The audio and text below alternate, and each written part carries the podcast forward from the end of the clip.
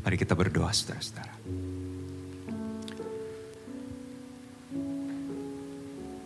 Ya Tuhan, kami mendengar kerinduan hatimu supaya kami menjadi satu. Sebagai gereja, sebagai persekutuan orang-orang yang percaya kepadamu, supaya kami menjadi satu di dalam Tuhan. Tidak terpecah belah, tidak terkotak-kotak, tidak tercabik-cabik. Demikian juga dengan keluarga kami. Kami percaya bahwa kerinduan hatimu itu adalah juga untuk keluarga kami. Keluarga yang satu, suami dan istri yang disatukan di dalam Tuhan. Anak-anak, kakak dan adik yang disatukan di dalam Tuhan. Keluarga yang menyatukan hatinya untuk hanya percaya kepada Tuhan dan melayani Tuhan dengan hidup kami. Oh Tuhan, biarlah kiranya pagi ini kami boleh disapa dengan kebenaran firman-Mu. Supaya kami boleh melihat keberadaan diri kami, melihat khususnya keberadaan keluarga kami. Apakah keluarga kami selama ini sudah menyatukan hati untuk hanya percaya kepada Tuhan, melayani Tuhan, dan menyembah Tuhan. Terangi hati dan pikiran kami Tuhan. Kami sungguh rindu, kami boleh diberkati dengan firman-Mu. Demi Kristus kami berdoa. Amin. Shalom, selamat pagi Bapak Ibu dan Saudara-saudara. Kita bersama-sama akan membuka Alkitab dan membaca satu bagian Alkitab yang saya percaya tidak asing sebetulnya di telinga kita, satu bagian yang terambil dari kitab Yosua. Mari kita membuka dan membaca dari Yosua pasal 24. Ayatnya yang ke-14 dan ayatnya yang ke-15. Yosua pasalnya yang ke-24 ayatnya yang ke-14 dan ayatnya yang ke-15. Akan saya bacakan bagian firman Tuhan ini. Oleh sebab itu, takutlah akan Tuhan dan beribadahlah kepadanya dengan tulus hati ikhlas dan setia. Jauhkanlah Allah yang kepadanya nenek moyangmu telah beribadah di seberang sungai Efrat dan di Mesir. Dan beribadahlah hanya kepada Tuhan. Tetapi jika kamu anggap tidak baik untuk beribadah kepada Tuhan, pilihlah pada hari ini kepada siapa kamu akan beribadah. Allah yang kepadanya nenek moyangmu beribadah di seberang sungai Efrat, atau Allah orang Amori yang negerinya kamu diami ini. Tetapi aku dan seisi rumahku, kami akan beribadah kepada Tuhan. Sampai di situ pembacaan firman Tuhan untuk kita renungkan pada saat ini. Saudara bagian firman Tuhan yang barusan kita baca ini adalah bagian dari pidato atau khotbah perpisahan Yosua dengan bangsa Israel. Kita tahu saudara-saudara bahwa ketika Israel keluar dari tanah Mesir, mereka dipimpin oleh Musa. Tetapi oleh karena satu kesalahan yang dilakukan Musa, Tuhan tidak mengizinkan Musa masuk ke tanah perjanjian Kanaan dan membawa umat pilihan. Dan Tuhan menunjuk Yosua untuk menjadi pemimpin atas Israel. Dialah yang membawa bangsa ini masuk ke tanah perjanjian Kanaan. Nah, saudara-saudara, bagian yang kita baca ini adalah bagian yang diucapkan oleh Yosua setelah beberapa waktu lamanya bangsa Israel mendiami tanah Kanaan. Saat itu saudara-saudara usia Yosua sudah sangat tua. Dia tahu sekali bahwa waktunya tidak lama lagi. Dia harus segera pamit dari tengah-tengah bangsa itu. Bahwa dia akan segera dipanggil Tuhan Dan sebelum berpisah dengan bangsa Israel, saudara-saudara, ada pesan-pesan yang mau disampaikan oleh Yosua kepada bangsa Israel yang saat itu sudah mendiami tanah Kanaan. Saudara Israel mendapatkan tanah perjanjian yang begitu luar biasa. Satu berkat yang begitu hebat yang Tuhan kasih kepada mereka, saudara-saudara. Dan di dalam pidato itu Yosua mau membangkitkan kembali ingat-ingatan orang-orang Israel tentang perbuatan-perbuatan Tuhan kepada mereka. Saudara-saudara Yosua, kalau kita baca, nanti saudara boleh baca di rumah mulai dari pasal 23 dan pasal 24. Yosua berkata bahwa Tuhanlah yang sudah berperang untuk kamu. Mereka tidak bersusah-susah Bahkan orang-orang Israel tidak pernah mendirikan kota-kota yang saat itu mereka diami di tanah Kanaan. Semua kota-kota yang sekarang mereka tinggali itu murni adalah pemberian Tuhan. Kalau mereka bisa lolos dari tangan Firaun dan orang-orang Mesir, kalau mereka bisa luput dari musuh-musuh di tengah-tengah perjalanan selama sekian puluh tahun menuju ke tanah perjanjian, dan kalau sekarang mereka sudah masuk ke tanah perjanjian itu dan tinggal di dalamnya, semua itu bukan karena mereka. Yosua mau ingatkan kepada Israel, itu bukan karena kamu. Tuhan yang berperang untukmu. Tuhan yang memberikan tanah itu kepadamu. Kamu tidak bersusah-susah. Kamu sendiri tidak pernah mendirikan kota-kota yang kau tinggali.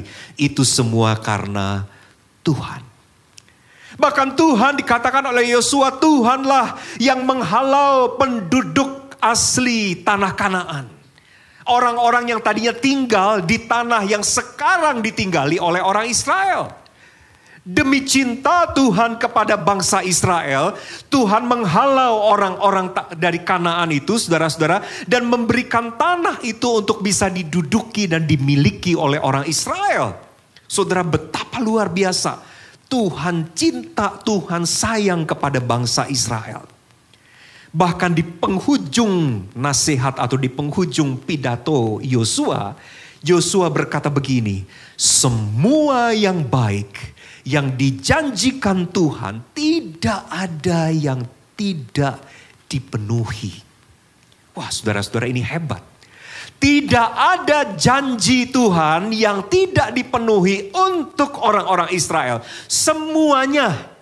Dan Yosua mengingatkan kembali mulai dari janji Tuhan kepada Abraham bahwa Tuhan akan membuat Abraham menjadi bangsa yang besar, keturunannya itu akan seperti pasir di tepi laut. Padahal Abraham sampai usia lanjut belum juga punya anak saudara-saudara. Tapi Tuhan penuhi janjinya kepada Abraham. Sampai janji Tuhan kepada Israel bahwa Israel akan mendapatkan tanah perjanjian. Satu tanah yang subur, berlimpah susu dan madu. Satu tanah yang luar biasa yang Tuhan karuniakan buat mereka. Tidak ada yang tidak dipenuhi. Semuanya kata Yosua sudah dipenuhi oleh Tuhan. Nah saudara-saudara dari latar belakang itulah kita sekarang bisa memahami kenapa ayat 14 dimulai dengan satu pendahuluan dikatakan oleh sebab itu. Kalau saudara baca ayat 14, kata pertama di dalam ayat itu dikatakan oleh sebab itu. Oleh sebab apa? Oleh sebab apa yang sebelumnya dibicarakan oleh Yosua itu perbuatan-perbuatan Tuhan. Apa yang Tuhan lakukan, apa yang sudah Tuhan berikan, apa yang sudah Tuhan buat, apa yang Tuhan sudah penuhi untuk orang Israel. Tuhan sudah lakukan itu untuk mereka. Oleh sebab itu, Yosua berpesan, satu pesan yang sangat penting untuk orang Israel. Takutlah akan Tuhan dan beribadahlah kepadanya dengan tulus ikhlas dan setia.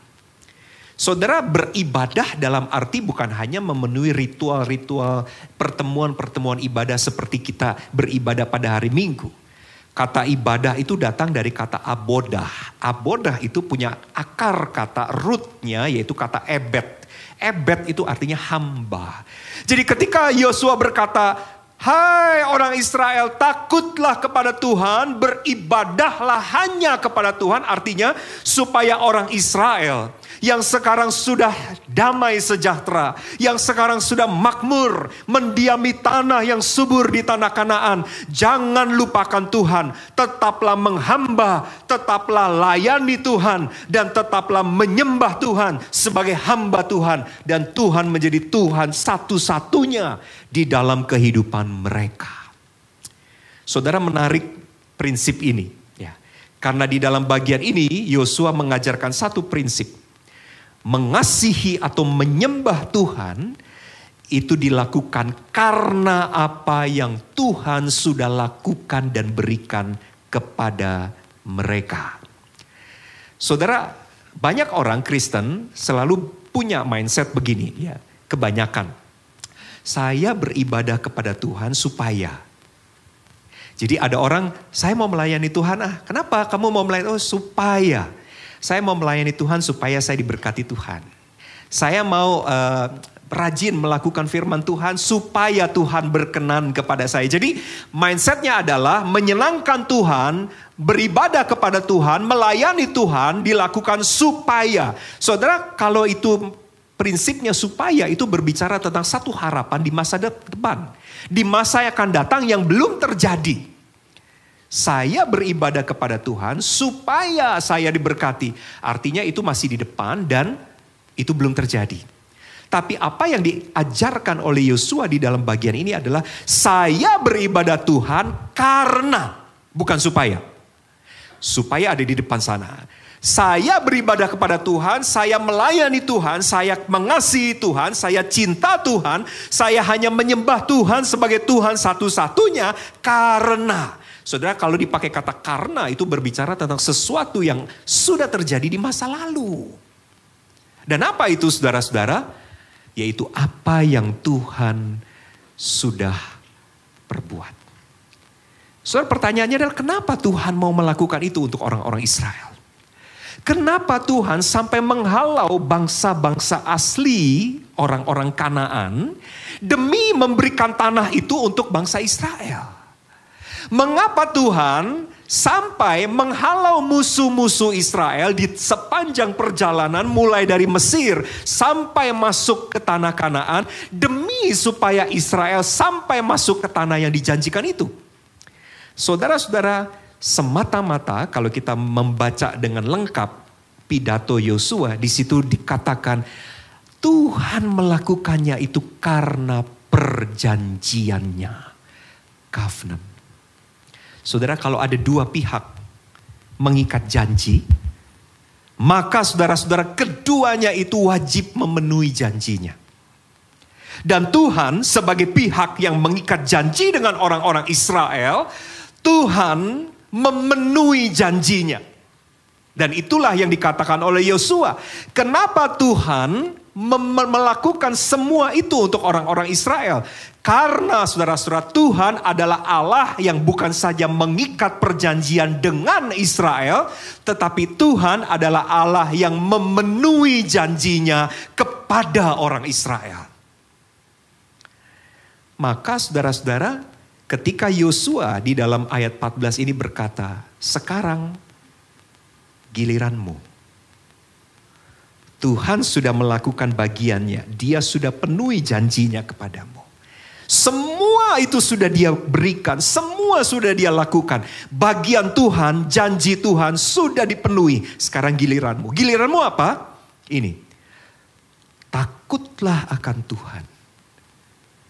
Beribadahlah hanya kepada Tuhan.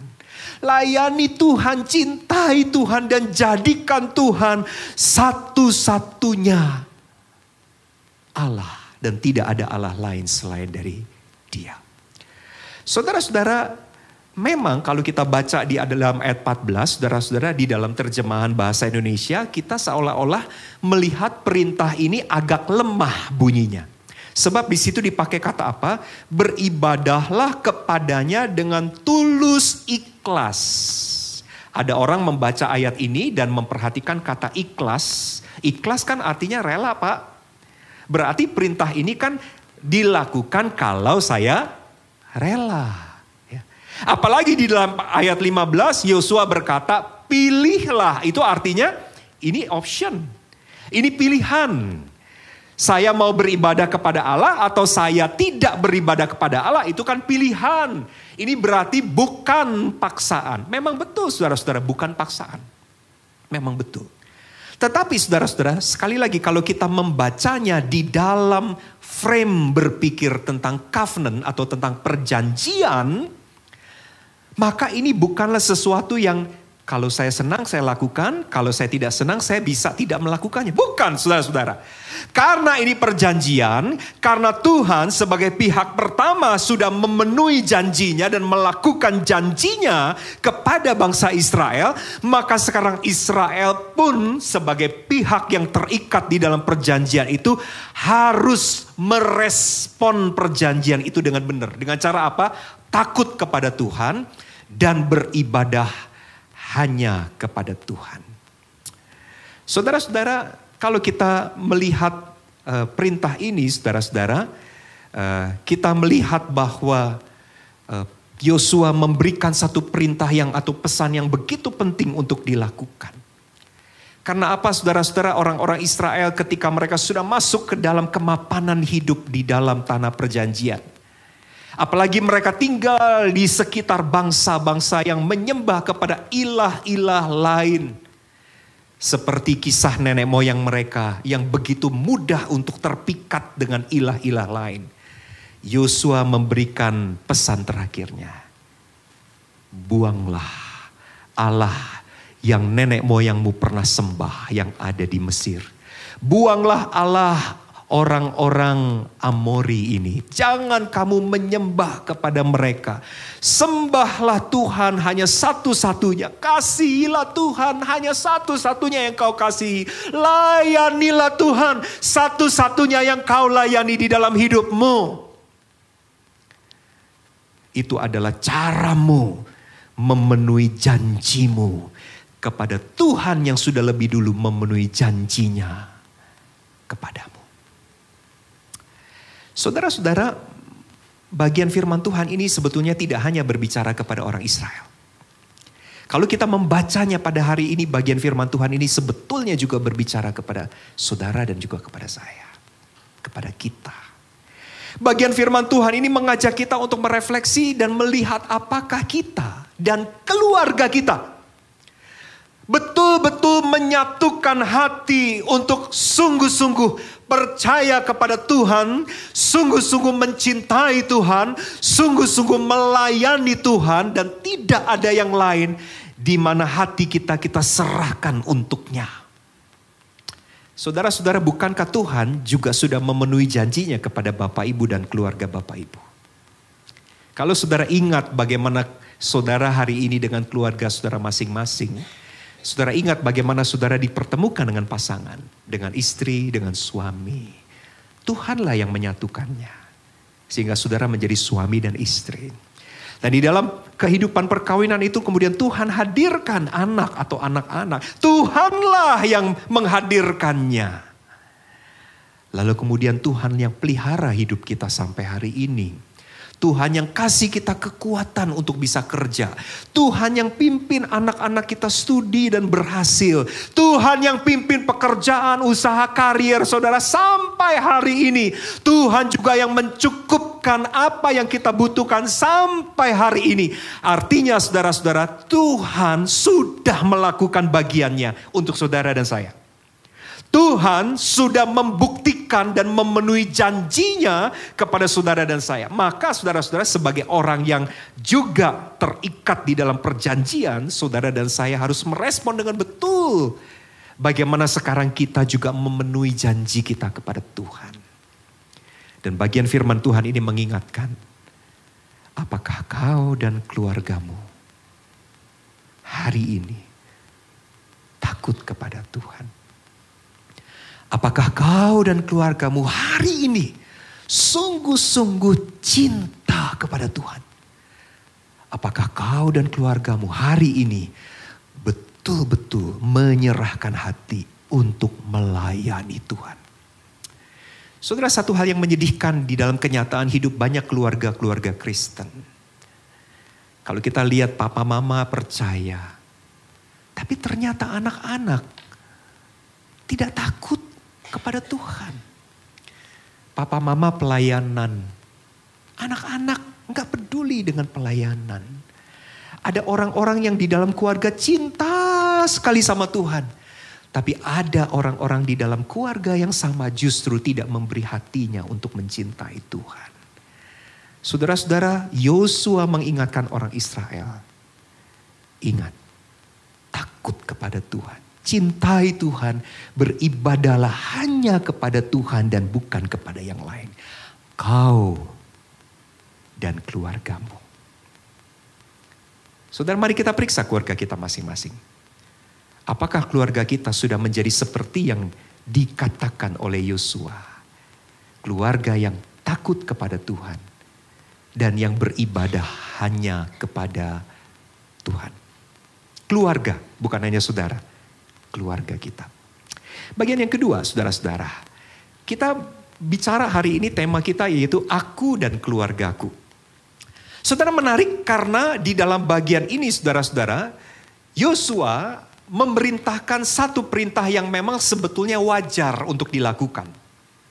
Karena Tuhan sudah konsekuen memenuhi janjinya kepada Israel, maka sekarang kamu pun harus konsekuen dong. Tuhan sudah memenuhi janjinya kepadamu, maka sekarang kamu pun jangan ingkar janji. Artinya kalau Israel sampai takut kepada Tuhan dan hanya beribadah kepada Tuhan, itu adalah sesuatu yang memang seharusnya begitu. Memang sewajarnya begitu.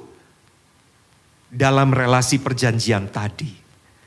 Namun saudara-saudara uh, kendati pun seharusnya demikian bisa terjadi. Israel punya pilihan yang lain. Artinya saudara-saudara kalau ditanya ada nggak potensi atau kemungkinan Israel punya pilihan yang lain? Sangat mungkin. Sangat mungkin saudara-saudara. Apalagi kalau kita berkaca dari sejarahnya orang Israel, nenek moyang mereka itu, sangat mungkin mereka hatinya bercabang. Sangat mungkin mereka berpaling. Sangat mungkin mereka mendua di dalam hati mereka. Sangat mungkin. Itulah sebabnya saudara-saudara sebelum meninggalkan orang-orang Israel, Yosua memanggil mereka. Semua tidak ada yang terkecuali yang tidak dipanggil. Semua dipanggil. Semua tua-tua, orang tua, orang muda, laki-laki, perempuan, hamba, budak. Semua orang-orang Israel. Semuanya dipanggil. Dan Yosua men-challenge mereka. Menantang mereka. Tentukanlah hari ini kepada siapa kamu mau beribadah. Yosua saudara-saudara mau meminta orang-orang Israel untuk recommitment. Untuk menyatakan komitmen iman mereka kepada Tuhan di hadapan dia. Ya, sebagai leader, saudara-saudara, Yosua ingin satu kepastian. Apakah orang Israel bangsa yang dia pimpin masuk ke tanah kanan ini sungguh-sungguh akan mengasihi Tuhan atau tidak? Karena itu saudara-saudara kita membaca perintahnya yang tadi saya sudah sebutkan di ayat 14. Takutlah kepada Allah. Beribadahlah hanya kepada Tuhan. Jauhkanlah ilah-ilah sembahan nenek moyangmu yang disembah di seberang sungai Efrat sana. Buanglah semua sesembahan nenek moyangmu yang pernah disembah di tanah Mesir dan jauhkanlah sesembahan orang-orang Amori yang negerinya kamu diami ini. Beribadahlah hanya kepada Tuhan. Dan ketika dia menyuruh orang Israel beribadah kepada Tuhan, ini baiknya Yosua. Saya belajar hal yang sangat luar biasa. Yosua bukan hanya pemimpin yang bisa hanya menyuruh orang lain. Tapi dia berkata begini, aku dan seisi rumahku kami pun akan beribadah dan hanya beribadah kepada Allah saja, bukan kepada yang lain. Saudara menarik kalimat ini. Di dalam kalimat itu Yosua mengatakan aku, kalau dikatakan aku itu adalah prinsip imannya secara personal. Aku menyembah kepada Allah, itu prinsip iman dia sendiri Secara personal dia memang mau menyembah Tuhan. Tapi menariknya adalah Yosua berkata, aku dan seisi rumahku. Saudara kalau dikatakan seisi rumahku, saudara-saudara itu adalah prinsip iman dari keluarganya Yosua kepada Allah. Saudara-saudara, apa sebetulnya dimaksud dengan statement itu? Yosua di sini sedang memperlihatkan bahwa dia bukan hanya bisa menjadi kepala atau leader dari sebuah bangsa. Tetapi Yosua dalam hal itu menjadi kepala atau leader dari family-nya. Dari keluarganya. Bahwa dia adalah seorang pemimpin keluarga yang membawa seluruh penghuni rumahnya untuk menyembah hanya kepada Allah. Saudara beda banget, ya, sangat berbeda dengan sikap beberapa, saya katakan beberapa, saya tidak mengeneralize semua orang tua begitu. Beberapa orang tua, termasuk orang tua-orang tua Kristen hari ini bersikap terhadap keluarga dan anak-anaknya. Beberapa orang tua pada hari ini berpikir tentang bagaimana membangun keluarga yang demokratis. Saya bukan tidak setuju ada demokrasi atau suasana keterbukaan di dalam keluarga. Tetapi saudara-saudara beberapa orang tua punya prinsip demokratis dan di dalam prinsip itu mereka memberikan kebebasan kepada anak-anak. Memberikan ruang untuk anak-anak mengambil dan menentukan pilihannya sendiri termasuk menentukan pilihan dalam hal iman. Karenanya saudara-saudara, orang tua orang tua yang demikian, saudara-saudara menganggap bahwa anak-anak itu bebas menentukan akan beriman kepada siapa. Orang orang tua punya satu pendirian, anak-anak itu jangan di, digiring, jangan di uh, jangan dikondisikan untuk masuk kepada agama tertentu. Jadi biarlah anak-anak, apalagi nanti kalau anak-anak sudah besar kan anak-anak bisa memilih sendiri. Sudah, jangan orang tua tidak perlu Uh, memberikan satu arahan yang terlalu ketat. Biarlah anak-anak punya kebebasannya untuk memilih. Saudara itu adalah satu prinsip yang kalau saudara bicara ngobrol-ngobrol dengan beberapa orang tua hari ini ternyata yang mengejutkan adalah itu adalah value atau satu belief yang mereka hidupi. Keluarga yang demokratis, keluarga yang terbuka Saudara, di dalam uh, bentuk yang lain sebetulnya banyak keluarga Kristen yang juga bersikap begitu. Khususnya misalnya saya ambil contoh dalam bergereja. Ya. Saudara mungkin orang tua ini bergerejanya di GKBJ. Ya. Ada banyak keluarga, ada banyak orang tua yang ketika ditanya, e, Bu, anaknya berapa? Pak, anaknya berapa? Wah anak saya tiga. Tapi ya itu Pak, anak saya sekarang nggak ke GKBJ gitu. Jadi ya kenapa? Ya anak-anak punya pilihannya sendiri lah mau ke gereja mana mau ke gereja. Jadi saudara mirip dengan itu, yang lebih ekstrim lagi saya katakan, orang tua membiarkan anaknya pilih sendiri. Dengan dalih, saya tidak mau menjadi orang tua yang otoriter atau orang tua yang otoritatif. Saudara-saudara, apakah memang ketika Yosua berkata, aku, itu personal beliefnya, dan seisi rumahku, apakah itu menunjukkan bahwa Yosua sedang menjadi kepala keluarga yang otoriter? Apakah ketika dia berkata aku dan seisi rumahku hendak mengatakan bahwa Yosua sedang memaksakan kehendaknya, sedang memaksakan pilihannya kepada seisi rumahnya bahwa mereka itu dipaksa diwajibkan hanya menyembah kepada Allah. Makanya dengan pede Yosua berkata, aku dan seisi rumahku kami beribadah kepada Allah. Aku memaksa anak-anakku hanya beribadah kepada Allah. Apakah itu artinya? Saudara-saudara, sekali lagi, mengasihi Allah adalah pilihan pribadinya Yosua. Itu beliefnya, kita tadi membaca aku hanya beribadah kepada Allah. Itu yang dia yakini. Dan ketika dia meyakini itu, maka tidak mungkin apa yang dia yakini itu kemudian tidak. Dia tidak berusaha untuk meyakinkan keluarganya, anak-anaknya, untuk juga meyakini Allah yang dia yakini. Saudara kan nggak mungkin, tidak masuk akal kan?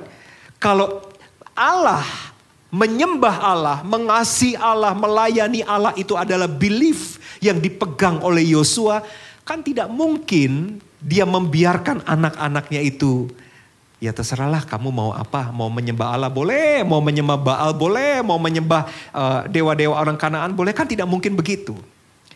Itulah sebabnya saudara-saudara ketika Yosua berkata, aku dan seisi rumahku, maka terselip satu pemahaman di dalam statement itu bahwa Yosua sadar ada tanggung jawabnya untuk membawa his family itu untuk menyembah kepada Allah. Aku menyembah kepada Allah. Keluargaku pun menyembah kepada Allah. Tapi kan ini nggak otomatis. Gara-gara aku menyembah Allah, keluargaku pasti menyembah Allah. Ketika dia berkata aku dan keluargaku, maka ada satu kesadaran di dalam hati Yosua.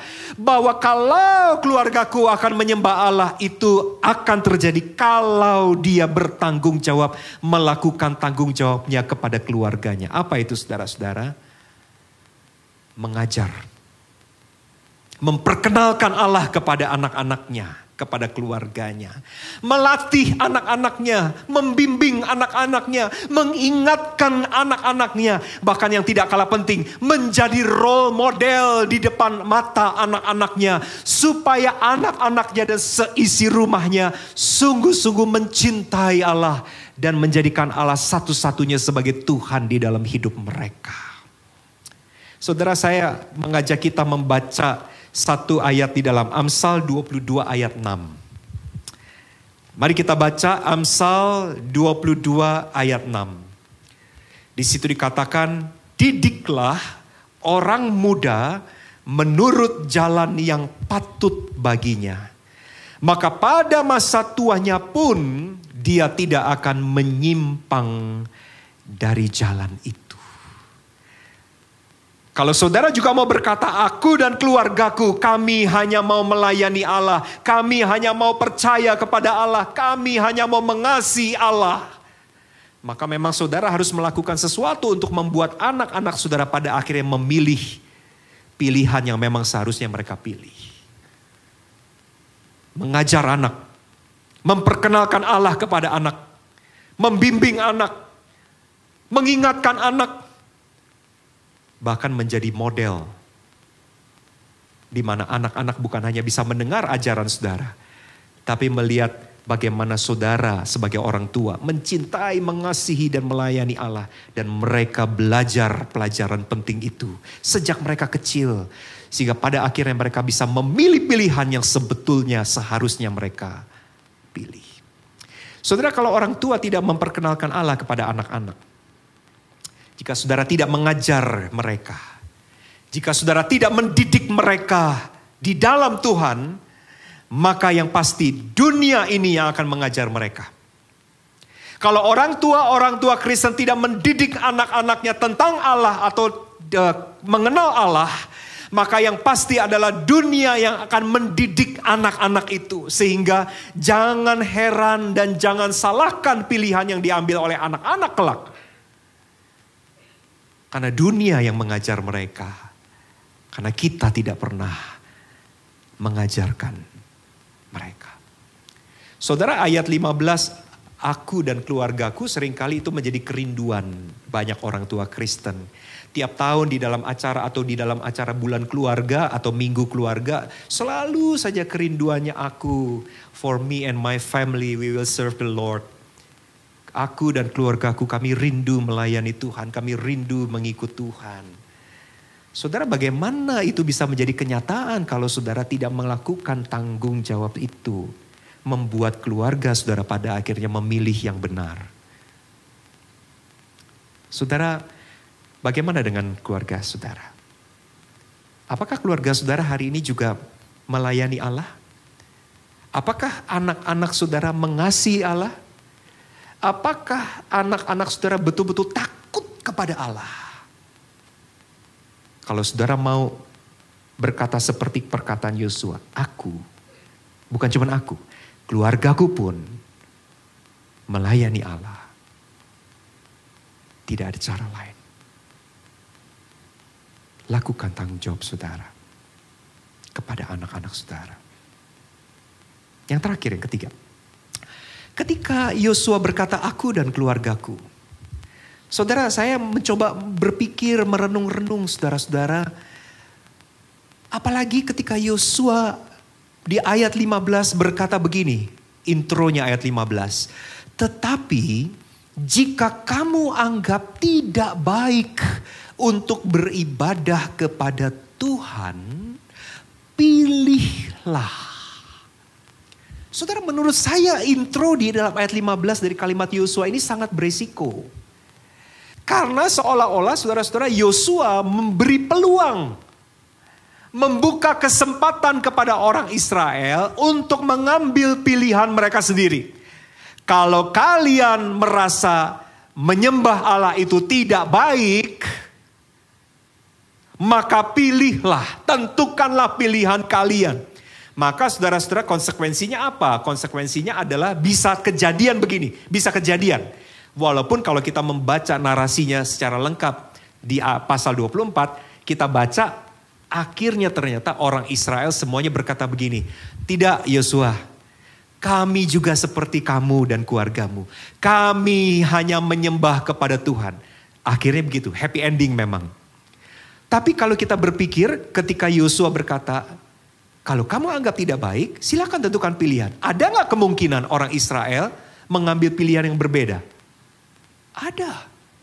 Sangat mungkin. Sangat mungkin mereka berkata begini, oh kalau kamu mau menyembah kepada Tuhan silakan Yesua. Kami dan keluarga kami juga punya pilihan sendiri kok. Bisa nggak kejadian begitu? Sangat bisa. Itu artinya saudara-saudara kalau itu terjadi, ini ya, ini kalau bayangan saya ini, kalau apa yang saya bayangkan itu terjadi, ternyata orang-orang Israel punya pilihannya sendiri, itu berarti apa? Yosua dan keluarganya itu punya pendirian hanya satu di antara sekian ribu orang. Saudara-saudara, itu adalah standpoint seperti menerjang arus, ya. Laksana begini saudara-saudara, orang-orang Israel menuju ke kiri, Yosua berjalan ke kanan. Jadi itu adalah satu satu langkah untuk menabrak, menerjang arus. Aku dan keluargaku menyembah kepada Allah sementara orang lain berkata, kami dan keluarga kami punya Allah kami sendiri. Itu seperti menerjang arus. Itu seperti pilihan dari satu orang sementara 999 orang yang lain punya pilihan yang berbeda. Itu pilihan minoritas di tengah-tengah arus minor mayoritas yang begitu kuat. Pilihan yang tidak populer di tengah-tengah pilihan banyak orang. Tetapi saudara-saudara, sekalipun demikian, saya mau berkata kepada Bapak Ibu. Kalaupun apa yang saya bayangkan ini ya, yang saya coba bayang-bayangkan kalau ini terjadi seperti apa. Kalaupun ini terjadi demikian, saya ingin saudara tahu bahwa begini, setidaknya orang-orang Israel akan tetap tahu standpoint imannya Yosua dan keluarganya. Dan itu adalah kesaksian iman di hadapan banyak orang. Saya ambil contoh. Saudara kalau orang eh, kalau kita bicara tentang korupsi pada hari ini rasanya itu bukan hal yang aneh kan? Ya. Bukan cuma kantor pemerintahan loh yang korupsi. Banyak. Ya. Lembaga-lembaga swasta, bahkan lembaga-lembaga Kristen pun. Uh, kalau saudara tahu, karena saya pelayanan di dunia pendidikan ya saudara-saudara saya mengajarkan. Uh, berurusannya itu selalu dengan Departemen Agama, berurusannya dengan uh, badan-badan yang mengurus akreditasi dan lain-lain. Gitu. Saudara-saudara semua hampir semua itu selalu mintanya ini ya. Izin operasional program studi. Itu kan selalu izinnya berlaku sekian tahun. Belum habis waktunya, Antoni sudah telepon. Halo Bu, jangan lupa nih izinnya tiga bulan lagi akan habis. Segera diperpanjang ya. Saudara tahu itu maksudnya apa segera diperpanjang. Ya, artinya bukan hanya sekedar memperpanjang izin. Artinya duit.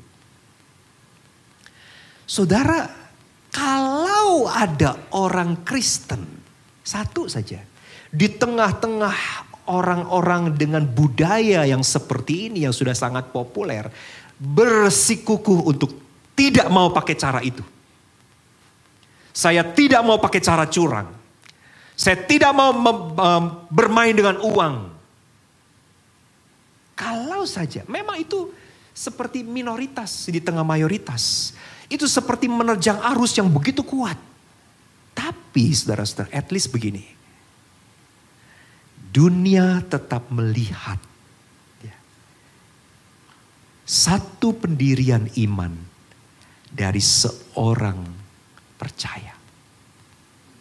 Saya percaya saudara-saudara kalau saja keluarga-keluarga Kristen. Ini bicara keluarga. Kalau saja keluarga-keluarga Kristen itu sungguh-sungguh dengan imannya mencintai Tuhan, melayani Tuhan dan hanya menyembah Tuhan satu-satunya. Sementara keluarga-keluarga hari ini saudara-saudara banyak orang punya pilihan masing-masing. Tetapi ada satu keluarga Kristen yang hidup bersungguh-sungguh di hadapan Tuhan. Sekalipun itu adalah pendirian yang minoritas. Tapi yang minoritas itu tetap terlihat oleh dunia seperti buku atau kitab yang terbuka dan orang bisa baca. Walaupun itu satu orang. Orang bisa baca.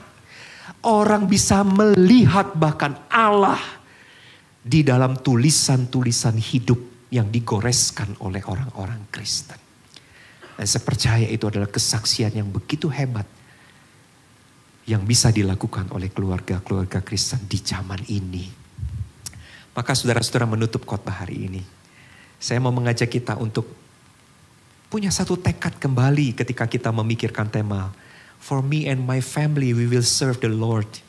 Kami, aku, Tuhan dan keluargaku. Bukan hanya aku, Bapak, bukan hanya aku, Ibu. Kami, aku, anak-anakku, menantu-menantu, cucu-cucuku. Aku dan keluargaku. Kami hanya mau beribadah kepada Allah. Sekalipun jumlah kita tidak banyak. Tapi mata dunia tidak akan pernah bisa menolak untuk melihat kesaksian yang nyata yang ditunjukkan oleh keluarga kita. Mari kita berdoa saudara-saudara. Tuhan terima kasih untuk bagian firman Tuhan yang boleh kami renungkan pada hari ini. Kami melihat diri kami di hadapan firman-Mu. Tuhan sudah melakukan janjimu kepada kami, kepada keluarga kami.